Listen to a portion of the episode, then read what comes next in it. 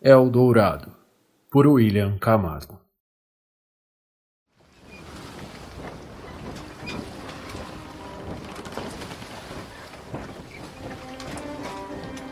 Era algum lugar no norte do Atlântico. A embarcação era velha, mas ainda era boa. A chamávamos de Dolores, um navio grande que contava com uma tripulação de 23 homens. E nosso capitão era um bêbado, velho, gordo e ruivo, mas um bom capitão, o Capitão Wallace. E eu ainda era um jovem, estava auxiliando a limpar o convés, ajudava na cozinha, fazia um pouco de tudo. O capitão dizia que para ser um bom marinheiro ele tem que conhecer todos os cargos da tripulação, e eu o obedecia. Era um bêbado simpático. Velejamos por três dias, até encontrarmos uma tempestade. Eu nunca tinha visto nuvens tão escuras e tão grandes. Naquela tarde, o capitão não tomou sequer um gole de rum. Ficou apreensivo no timão, como se pensasse em como salvar todos no navio. A noite chegou e com ela veio a chuva. O mar se revoltou como nos contos mitológicos. Me mandaram para o interior do barco. O barulho da tripulação berrando, somado à chuva e o barulho da madeira do navio rangendo, me deixaram aflito. Até que o navio foi atingido por um raio. Destruiu um dos mastros. Foi quando subi para o convés. A queda do mastro matou dois tripulantes. A água da chuva misturada ao sangue me fez paralisar. Todos corriam feito loucos, tentando em vão conter o navio sob controle. Naquele momento, uma onda enorme bateu de encontro ao navio, que não resistiu e virou. Todos fomos jogados ao mar, e esta foi a última coisa que me lembro depois daquela tempestade. Eu acordei com o sol escaldante surrando meu rosto. Eu estava em alguma ilha perdida no mundo. Eu estava fraco e tinha ferimentos pelo corpo. Devo ter batido em alguma rocha eu tentei levantar e não consegui, eu estava fraco. Antes de desmaiar, eu vi um rosto. Diferente de todos os rostos que já tinha visto. Era um indígena, de pele mais escura e pinturas brancas pelo rosto. Acordei novamente em uma barraca. Meus ferimentos foram tratados e eu me sentia bem melhor. Eu saí daquela barraca e notei que estava em um vilarejo indígena. Do lado de fora, alguns nativos me esperavam. Eram todos muito parecidos, mas tinham boa forma, não tinham mau cheiro, todos pareciam bem alimentados, estavam curiosos quanto a mim. Mas algo me chamou a atenção, muito a atenção. Todos usavam pulseiras, colares, brincos e tiaras de ouro puro. Aquilo reluzia muito. Eu achei estranho, mas eu devia minha vida a eles. O problema foi a comunicação. A língua deles era confusa e difícil de pronunciar. Era como se não fosse feita para falar. Eram grunhidos e assobios difíceis de reproduzir. Eu fui muito bem tratado. Todos estavam curiosos, gostavam de passar as mãos nos meus cabelos e barba. Era diferente para eles.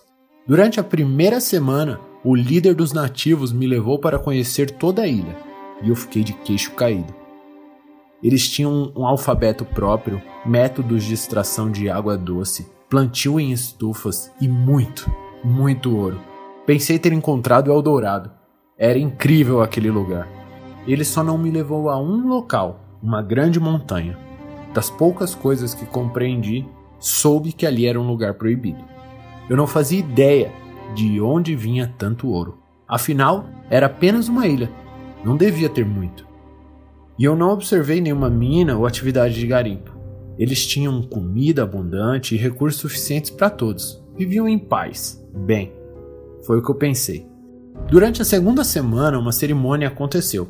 Eu estava dormindo e acordei com assobios e tambores. Olhei através da fresta da minha barraca. Havia uma mulher no meio de um círculo de pessoas. E ela estava completamente adornada de ouro. Tinha quase todo o corpo coberto por ouro. E peço que abandone suas crenças, pois o que eu presenciei desafia a razão. As pessoas assobiavam e grunhiam, em direção daquela estranha montanha. E estranhamente, a montanha assobiava de volta. E cada grunhido e assobio, a montanha respondia. Voltei para a cama e tentei dormir. Foi bem difícil. No dia seguinte, a mulher não estava mais lá. Eu perguntei, do jeito que pude, para o líder da tribo. E ele tentou me explicar. Ele levantava os braços como se queria dizer que a moça tinha se juntado às estrelas. Bem, foi o que eu entendi. Afinal, não sei nem se ele entendeu o que eu perguntei a ele.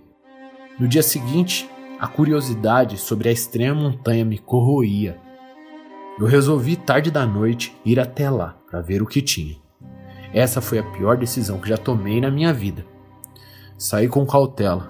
Enquanto todos dormiam, eu subi a montanha até a entrada de uma caverna. Tinha muito ouro ali, por toda parte, desde blocos de ouro maciço a anéis, brincos, coroas, tiaras, pulseiras e colares, espalhados pelo chão. Tomei cuidado para não pisar em nenhum deles até alcançar o fim daquele corredor. Foi quando eu vislumbrei o que até hoje eu não sei bem o que era. No meio da montanha eu vi, se é que eu realmente podia ver aquilo. Havia uma massa disforme consumindo o corpo daquela moça da noite passada. Suas pernas estavam dentro de uma massa e ela estava morta, pálida como a neve.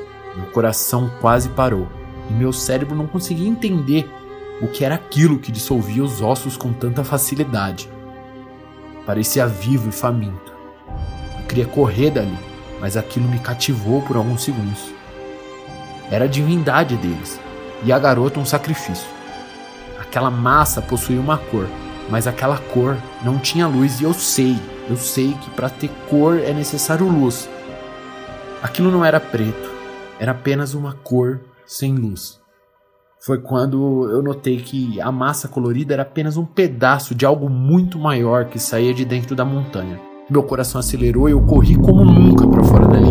Me joguei no mar e nadei, nadei, até desmaiar.